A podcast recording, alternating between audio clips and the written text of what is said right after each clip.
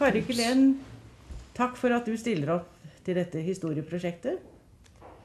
Mitt, eh, jeg har lyst til å si først at gjennom et langt liv så har du markert deg i klinisk praksis som veileder, som underviser, som forsker og forfatter.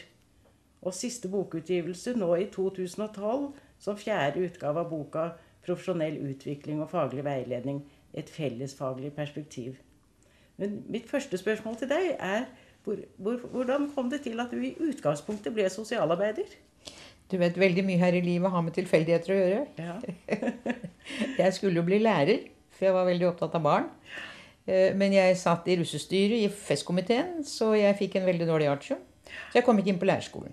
Nei. Så sånn var det. Heldig for oss. Ja, Og så søkte jeg da all verdens jobber som lærervikar nordpå. da, Men jeg går ut fra at min formulering og min skrift var ikke sånn at den overbeviste noen overlærer til å ansette meg. Så jeg ble ansatt av Nick Wold mm. på behandlingshjem. Et av de første behandlingshjemmene i Norge. Og der var jeg lærer og miljøarbeider. Hadde ansvaret for 16 barn. Uh, og da ble jeg mer klar over Jeg hadde aldri opplevd barn som hadde det vanskelig. Var vel selv ganske privilegert. Og var ganske rystet eh, over hvordan disse barna hadde det. Og så syns jeg ikke at den behandlingen de fikk, var god nok. Jeg hadde jo ikke noen mulighet for å vurdere det. Men jeg syns at det å kjøre eh, bil til Oslo en gang i uken og snakke med mennesker de ikke kjente, det virket for meg Ja, jeg, jeg kunne ikke forstå det. Eh, så gikk jeg på det amerikanske biblioteket, og der fant jeg en bok som het 'Love Is Not Enough'. Som snakket nokså klart til meg. Og den var skrevet av Bruno Bettelheim, som jo var, var en han var jo virkelig opptatt av barn og utvikling av barn. Og så skrev jeg til ham og spurte om jeg kunne få, få ut, komme i utdanningsstilling hos ham. Jeg hadde jo alltid hadde en dårlig artium, ja, og Nansen-skolen hadde jeg. Og så hadde jeg vikariert oppe i en dal noen, noen måneder etter, etter, det, da, som lærer. Og så skrev han tilbake og sa han tok ingen usett. Og da sa jeg ja, men jeg kan komme over, jeg, sa jeg. Og så fikk jeg overtalt Den gang måtte man jo overtale sine foreldre til sånt. Så jeg overtalte mine foreldre om jeg kunne dra. Så jeg dro til USA. Ja. Hvor gammel var du da? Da var jeg 19. Nei, jeg må ha vært 20, vel. Jeg var 20. Ja. Eh, 18, ja, jeg var 20 år. Ja. Og så dro jeg over, da. Og snakket med Bruno Bettelheim i mange, mange, mange timer. Og så sa han du kan flytte inn i morgen. Fantastisk. Så flyttet jeg inn. Eh, Du kan si jeg var litt avvikende fra de som var i utdanningsstilling. Derfor alle hadde jo minst en bachelor og en master. Og jeg hadde ikke noe annet enn engasjement i barn og rimelig god intuisjon, går jeg ut fra. Så da var jeg da eh, Ja, jeg bare ble og jeg ble. Jeg ble jo der til sammen i to og et halvt år. Da skulle jeg bare hjem på ferie. Eh, Men så var jeg veldig i tvil om Og Bettelheim sa hvis du, skal, hvis du ønsker å brenne dine broer, så skal du komme tilbake. Vi vil gjerne ha deg tilbake. Men du vet, den gang så var det ikke mobil, og det var ikke snakk om å fly. Det var jo så dyrt som bare det. Dette var jo i 57. Ja. 56, 54, 55, 56. Eh, Så jeg ble hjem, bestemte meg da i løpet av den sommeren hvor jeg kom hjem på ferie, så bestemte jeg meg for å bli hjemme. Men var i veldig tvil om hva jeg skulle gjøre. Hadde ikke hørt om sosialt arbeid eh, før. Men gikk og snakket med Nick Wold. Ja. Og så sa hun men det er opplagt, du har ikke tid til å studere psykologi, sa hun, for det tar for lang tid. Eh, nå ringer jeg til Sosialhøgskolen og snakker med fru Kluge, som jeg kjenner godt, og så tar du en taxa opp og begynner der. Fantastisk. Så før jeg visste ordet av det, så begynte jeg på sosialskolen. Og kom inn på slutten da av, av første semester. Og det var også første avdeling den gang. Ja. Eh, Så det var eh, så sånn.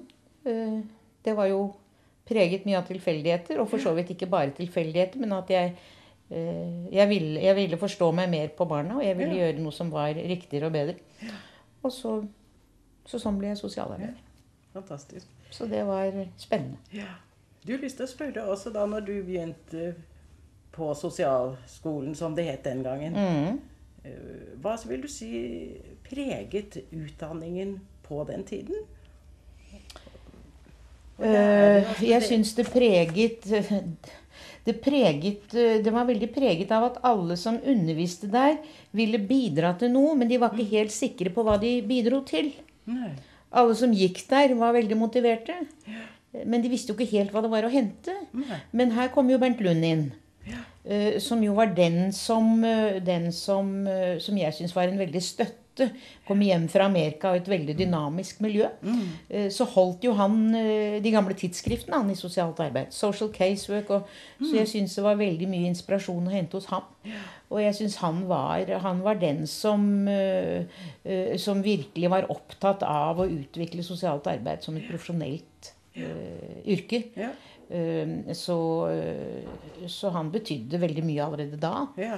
Eh, Men det var jo først senere at han, at han eh, skrev utredningen sin, som jo var en veldig god utredning. ja. Det var vel ikke noe nordisk land som på det tidspunkt lå så godt an, eh, vil jeg mene. Det var i 62. Ja, når han skrev den. Ja. Ja, det stemmer. Mm. Og hvor han slo til ordet for at sosialt arbeid skulle bestå av flere metoder. Ja. Og også, som var nyttel på den tiden, at det var sosialarbeidere selv som skulle Ja. undervise ja, disse. Nemlig. Og det har jo vært kan du si, et kontinuerlig problem. Han fastslo det, men det har jo vært eh, helt andre yrkesgrupper som har vært sterkere enn sosionomene, som har preget utdanningen. Ja. Det er helt sikkert. Den er jo mye mer preget av samfunnsvitenskapene mm. enn den er av relasjoner og menneskeforståelse. Ja, jeg tror det nylig har kommet en bok om sosialt arbeid, hvor det står at sosialt arbeid er først og fremst basert på sosialvitenskapene. Mm.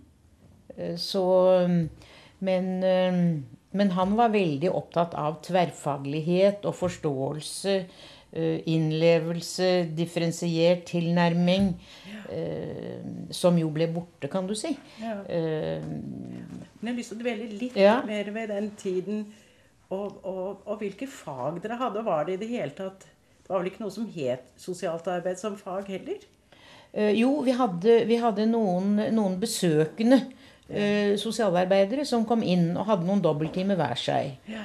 Eh, hvor vi hadde Anna Digranes eh, fra Dikemark, som jo var et nydelig menneske, og som eh, om hun ikke visste så mye om profesjonelt sosialt arbeid, så var hun en person som, som demonstrerte det.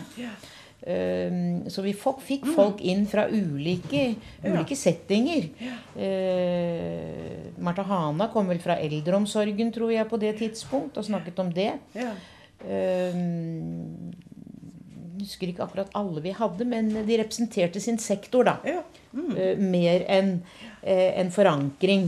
Så det var, dette var sykehuskuratorer. Det var jo, Ja. det var jo, det var jo sykehuskuratorene som, som det var flest av Ja. på det, på det tidspunktet. Ja. Så, så noe mer eh, strukturert, systematisk opplæring, den begynte vel ikke før eh, jeg begynte i 61. Ja. Eh, da først som timelærer, for jeg beholdt praksisen min på Sagene. Hvor jeg bygget opp familievernkontoret. Og da hadde jeg allerede vært i England et år. Eh, Så da, da var vi vel en eh, Da var vi en tre-fire først. Kanskje fire-fem eh, sosionomer med ganske solid utdanning på det tidspunktet. Da snakker du om 1961. da du 61, begynte som- 62 som og, og videre. Ja. Jeg begynte jo først som timelærer. Ja, akkurat. For man jobbet på lørdager, vet du. Ja, så da kunne jeg passe jobben min på Helserådet i uken.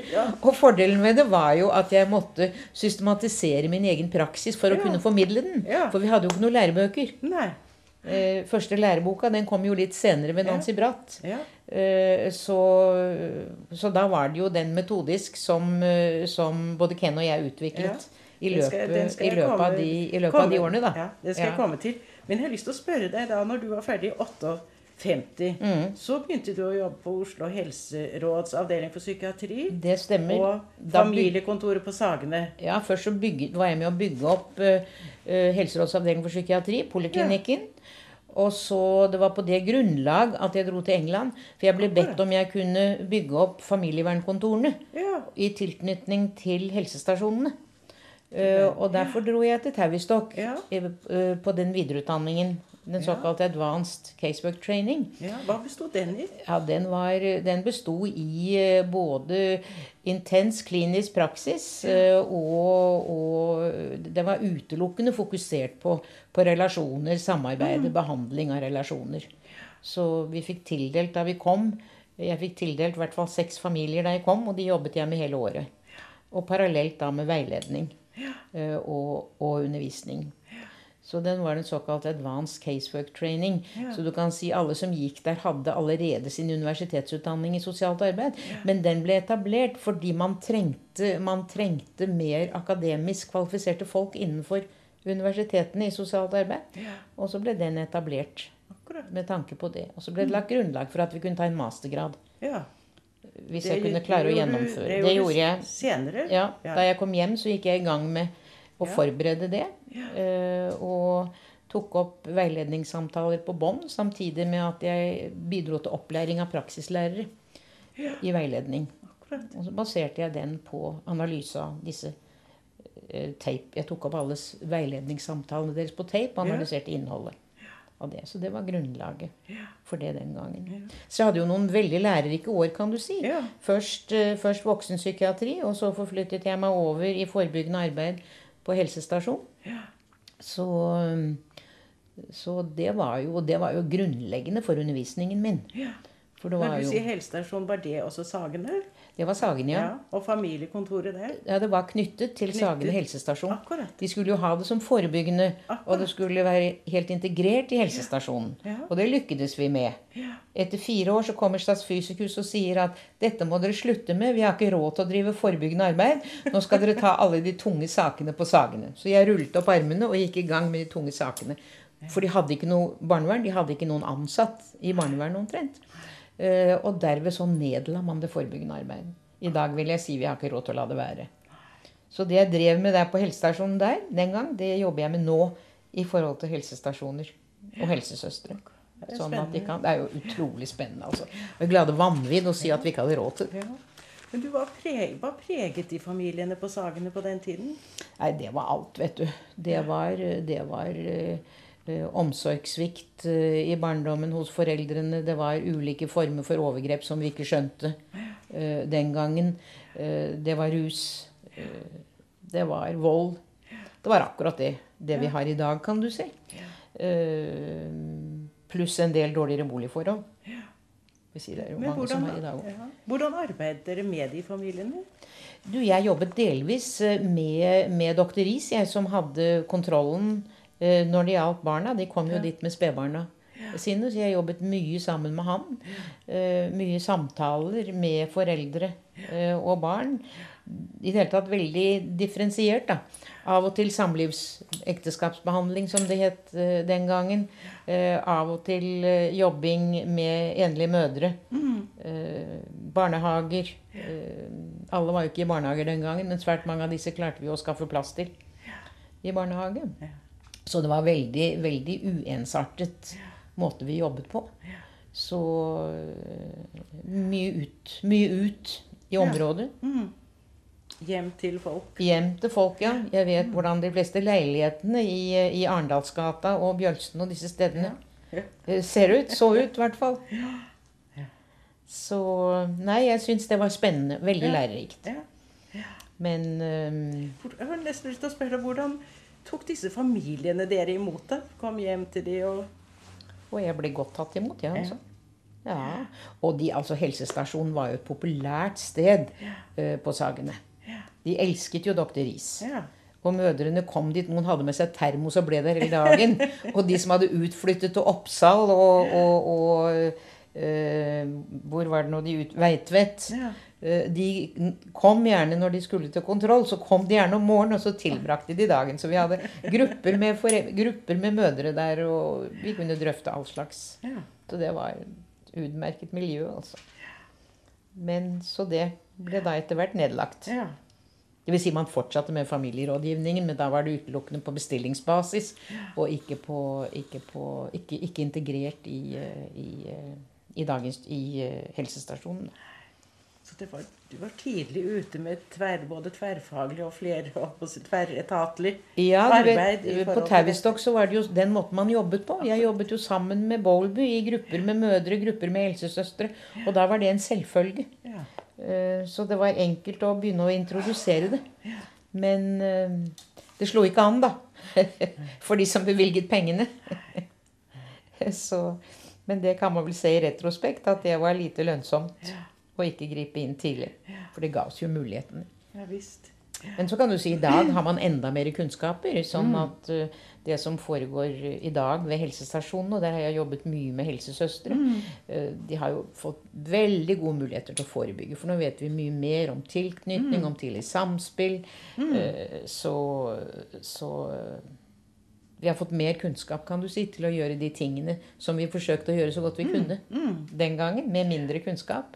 Men det er veldig mye av det samme som vi gjør. Vi har fått et litt mer nyansert begrepsapparat. Ja. Vi har fått begrepsfestet en del ting som vi tidligere bare fornemmet i maven, hadde jeg nær sagt. Eh, Så i det hele tatt tilknytningsforskningen, den kommer til å revolusjonere behandlingsarbeidet. Ja. Jeg har lyst til å, å, at vi kan komme tilbake igjen til da du begynte som, ja, som lektor. Mm.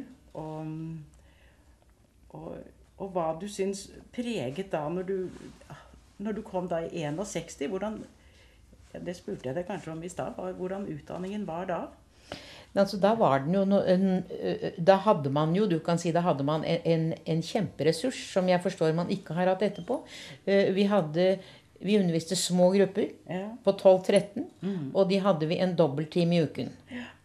Over tre år. Det var ganske mye. Ja.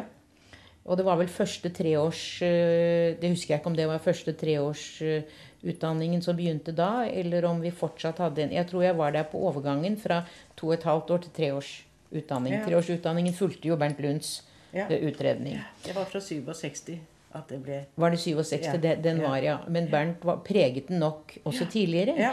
Eh, og det i tillegg til at det ga en kontinuitet i forhold til studentene.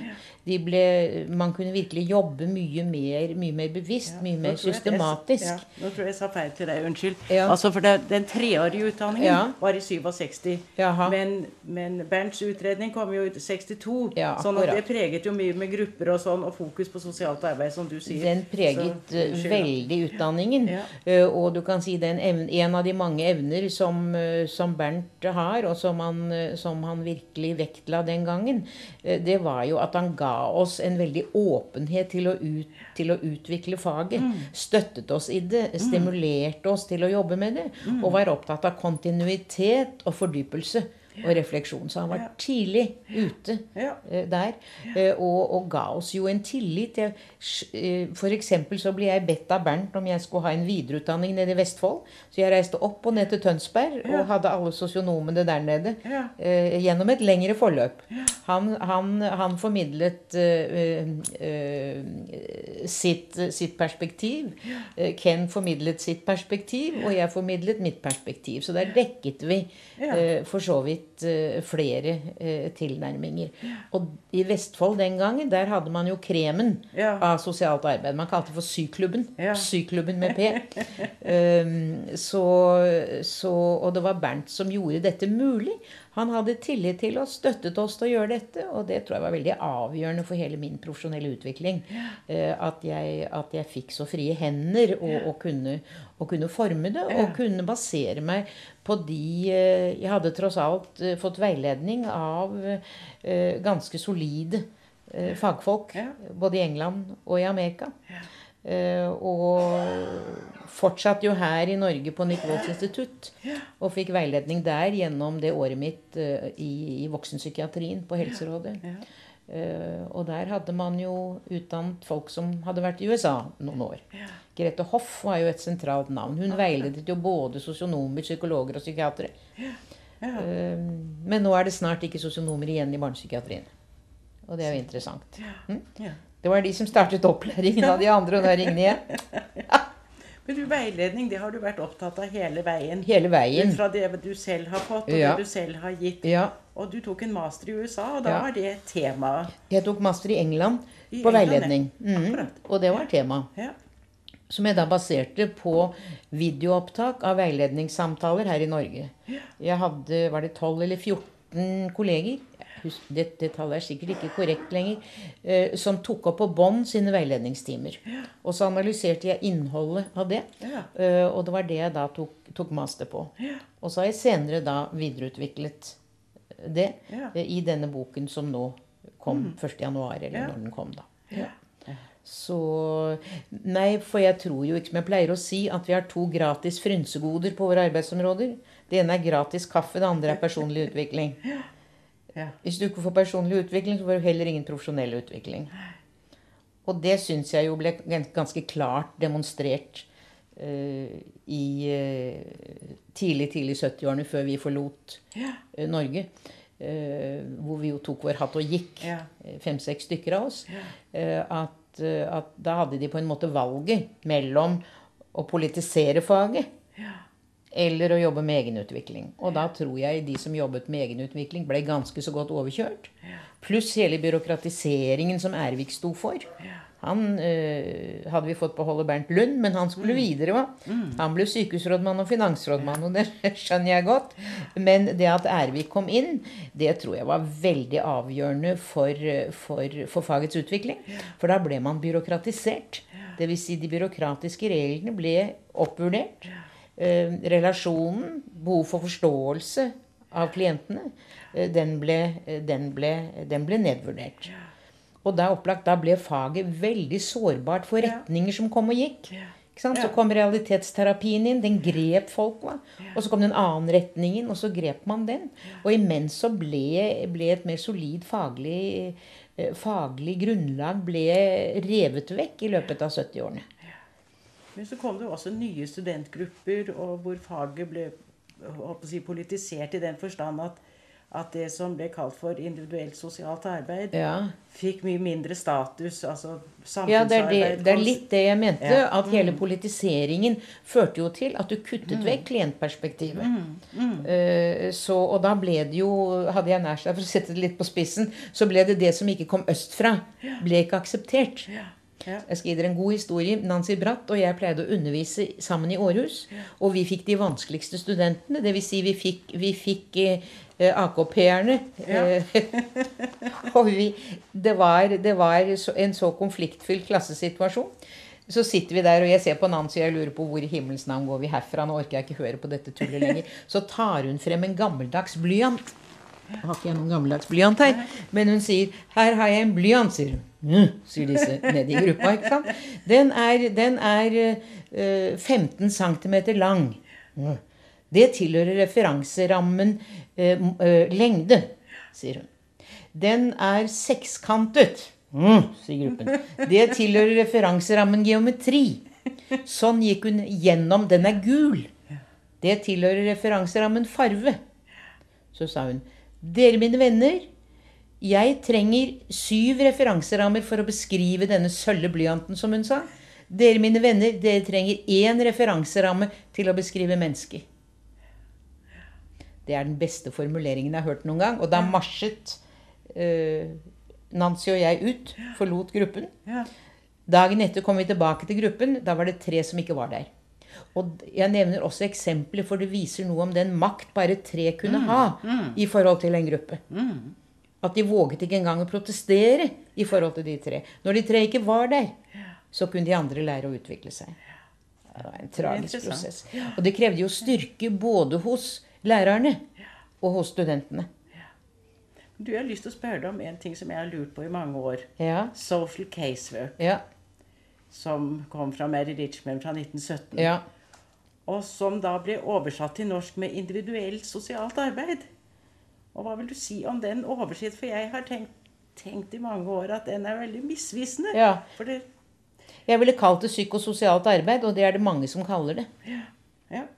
Og så er det en tilnærming til ulike. Da kan du, da kan du si da kan du ha individuelt, da kan du ha gruppe, da kan du ha familie. Ja. Da har du alt det innenfor. Ja. Ja, og det individuelle, det, det, det var nok et ord som mange ble provosert over, og som ga dem grunnlag for å avvise faget, selv om de ikke ante hva det handlet om. ja. Og som er vrangforestillinger som lever fortsatt. For hvis man går til Mary Richmond, så var jo hun nettopp opptatt av samfunnsforholdene. Ja, ja, ja. Og vurdere de i Ja. like stor grad. Og Ja. var også opptatt av reformarbeid som å se på det individuelle. Men Ja. se på familien. Hun Var var opptatt av av helheten. Ja.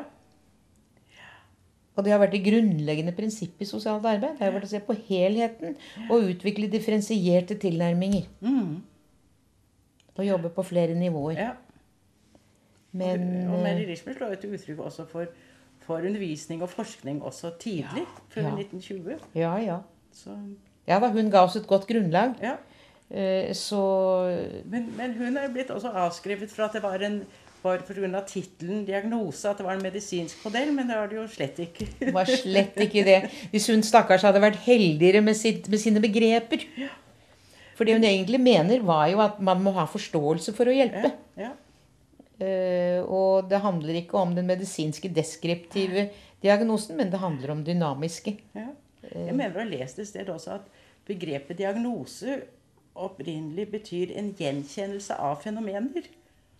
Å ja, det visste Og da får du også en mening i at du skal ha kunnskaper om hva Ja. du skal se etter. Men, og, Akkurat. og, Ja, Interessant. Det visste jeg ikke. men man forbinder det med liksom en objektivering Ja, og medisinsk, Ja. som blir da en feil.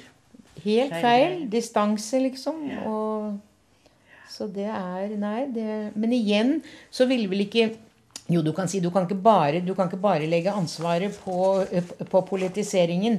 Eh, Det er også ganske mange som befant seg der hvor Ervik befant seg. Hvor han var opptatt av å byråkratisere og redusere nærhet eh, til klienter.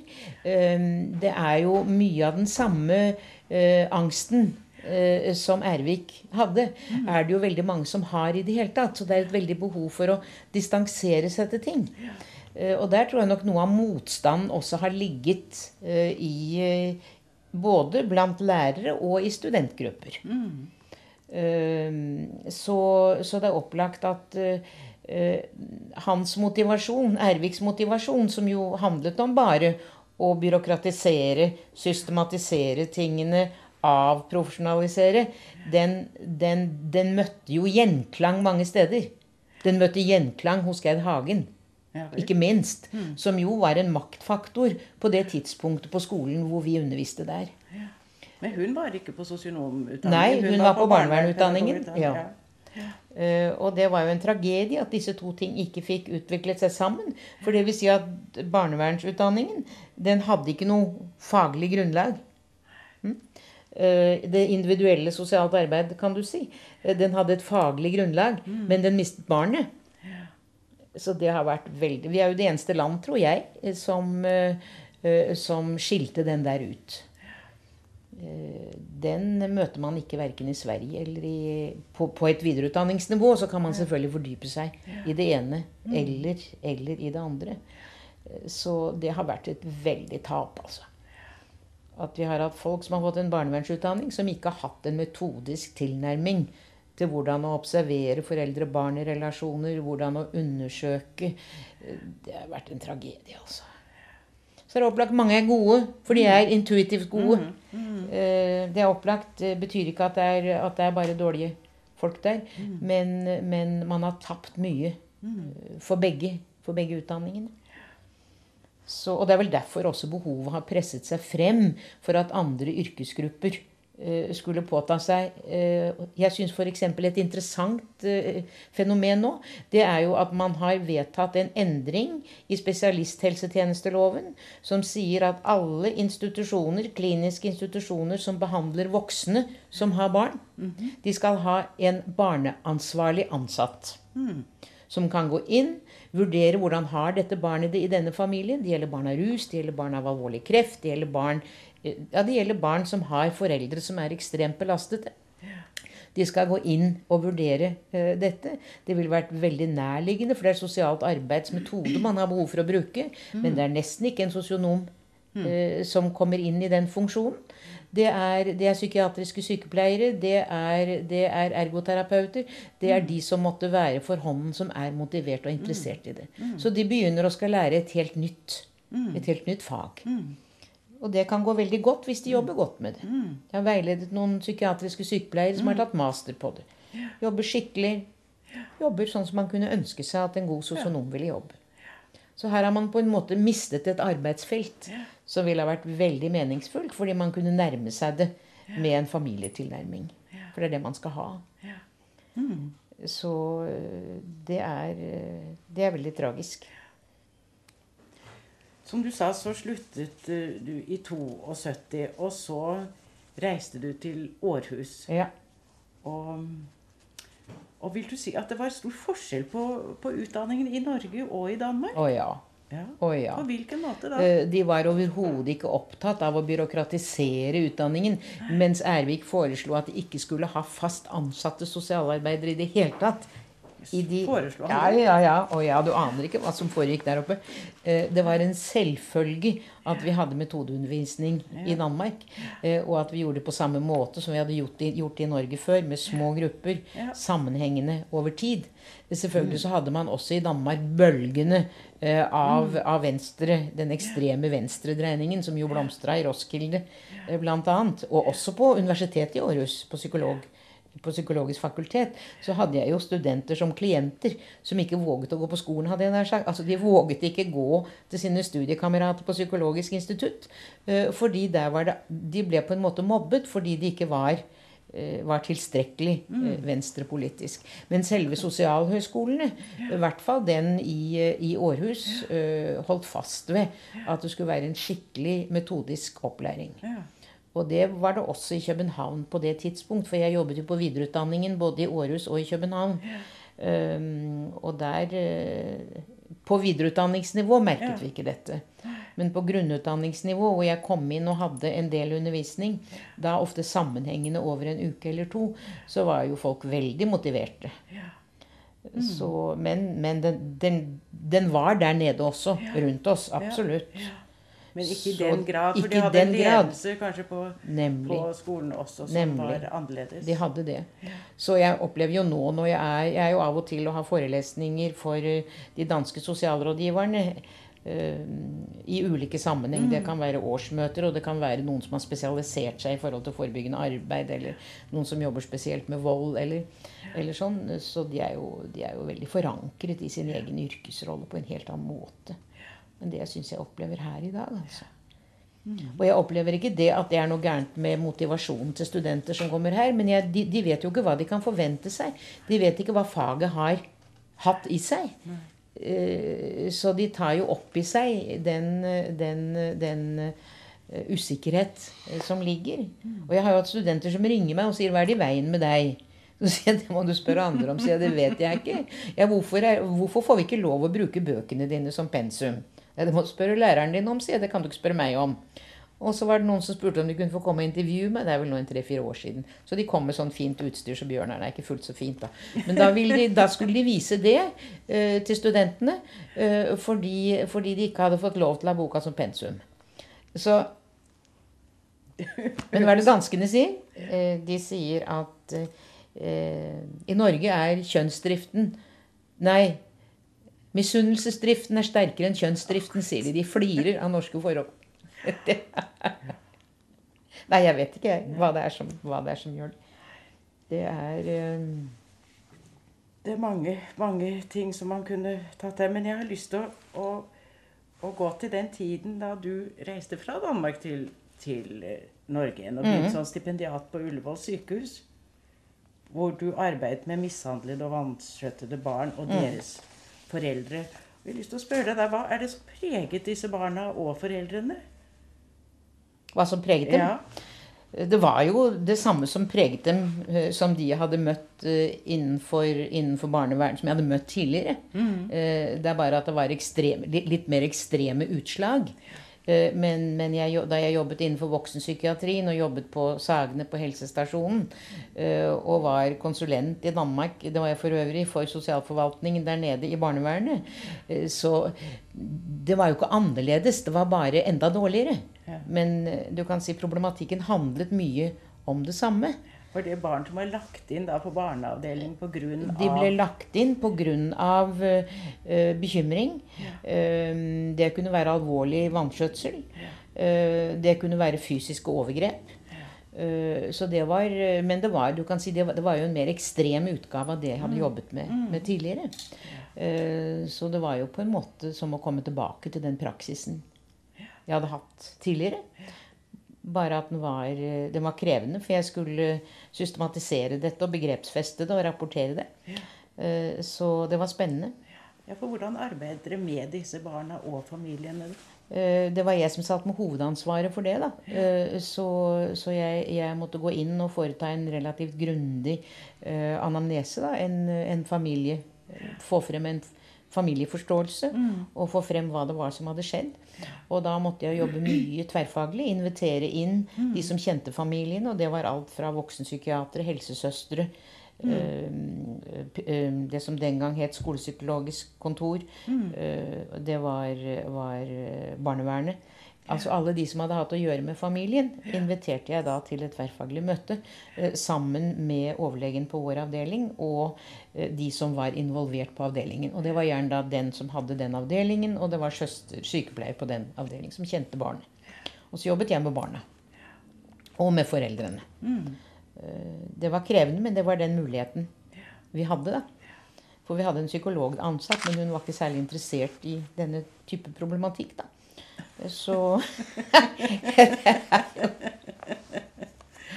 Så vi hadde nært samarbeid med barne- og ungdomspsykiatrien, og det var veldig fint. Så hadde vi, fast, vi hadde en fast representant fra barnevernet som tok del i alle våre tverrfaglige møter. Mm. Og det var en erfaren, det var Berit Wette, som var meget mm. erfaren fra det sentrale barnevernskontoret. Mm. Så det var, det var Ja, jeg var fornøyd med den jobben vi fikk gjort der. Mm. Eh, men så varte det i tre år. Så da Da fikk de ikke muligheter for å forlenge stillingen. Fem minutter. Hva sa du? Fem minutter. Fem minutter, og ja, Så da flyttet jeg over i barnepsykiatrien.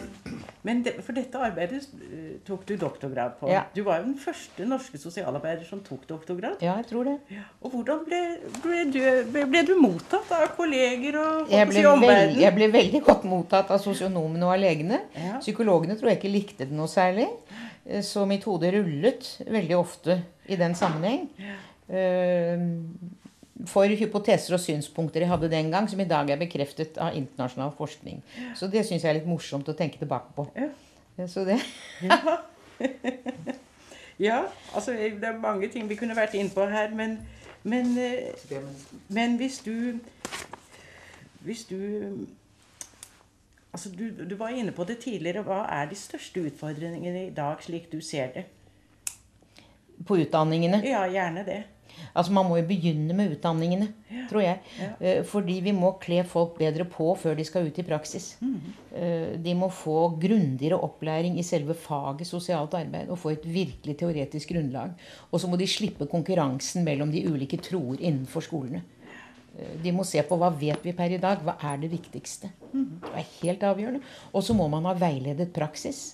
Og så må vi etablere uh, utdanningssentre uh, hvor studentene eh, kan være etter utdanning, eller gjerne De bør ha faglig veiledning de første par-tre årene de er i praksis. Vi bør utdanne utdanningsgrupper eh, som kan ta seg av det. For det er jo rått i dag hvordan nyutdannede som har veldig lite fornemmelse av hva dette handler om rent faglig, som blir plassert ut i de vanskeligste mm. situasjoner. Jeg møter disse over hele Norge, mm. hvor jeg har utdannings-opplæringsforløp. Og jeg møter faktisk at det er, det er helsesøstre eh, ofte som har mye bedre utdanning på dette området enn det mm. sosionomer har etter hvert. altså. Det er godt at noen sikrer seg det, men det er synd at det ikke er en driv innenfor, uh, innenfor sosionomgruppa og innenfor utdanningssystemet. Uh, og da må, gi, da må, man gi, faget sosialt arbeid mer styrke innenfor institusjonen, opplæringsinstitusjonen. For den må ikke styres av samfunnsvitere.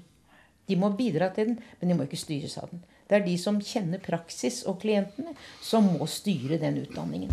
Og da må også vår yrkesorganisasjon ta seg sammen og komme litt mer på banen. Mm -hmm. Tusen takk for at du stilte opp, Kari Kelen.